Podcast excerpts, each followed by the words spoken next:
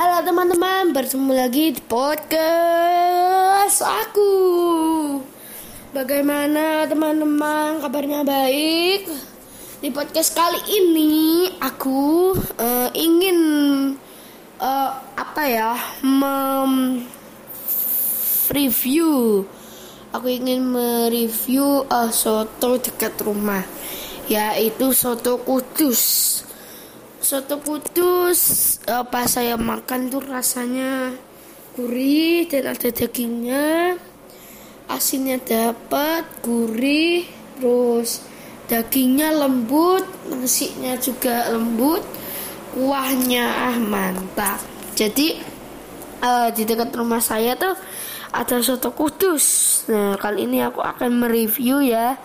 Soto kudus biasanya pakai daging nasi uh, mie togenya besar ya teman-teman. Bagi kalian yang suka dengan podcast ini jangan lupa ikuti terus.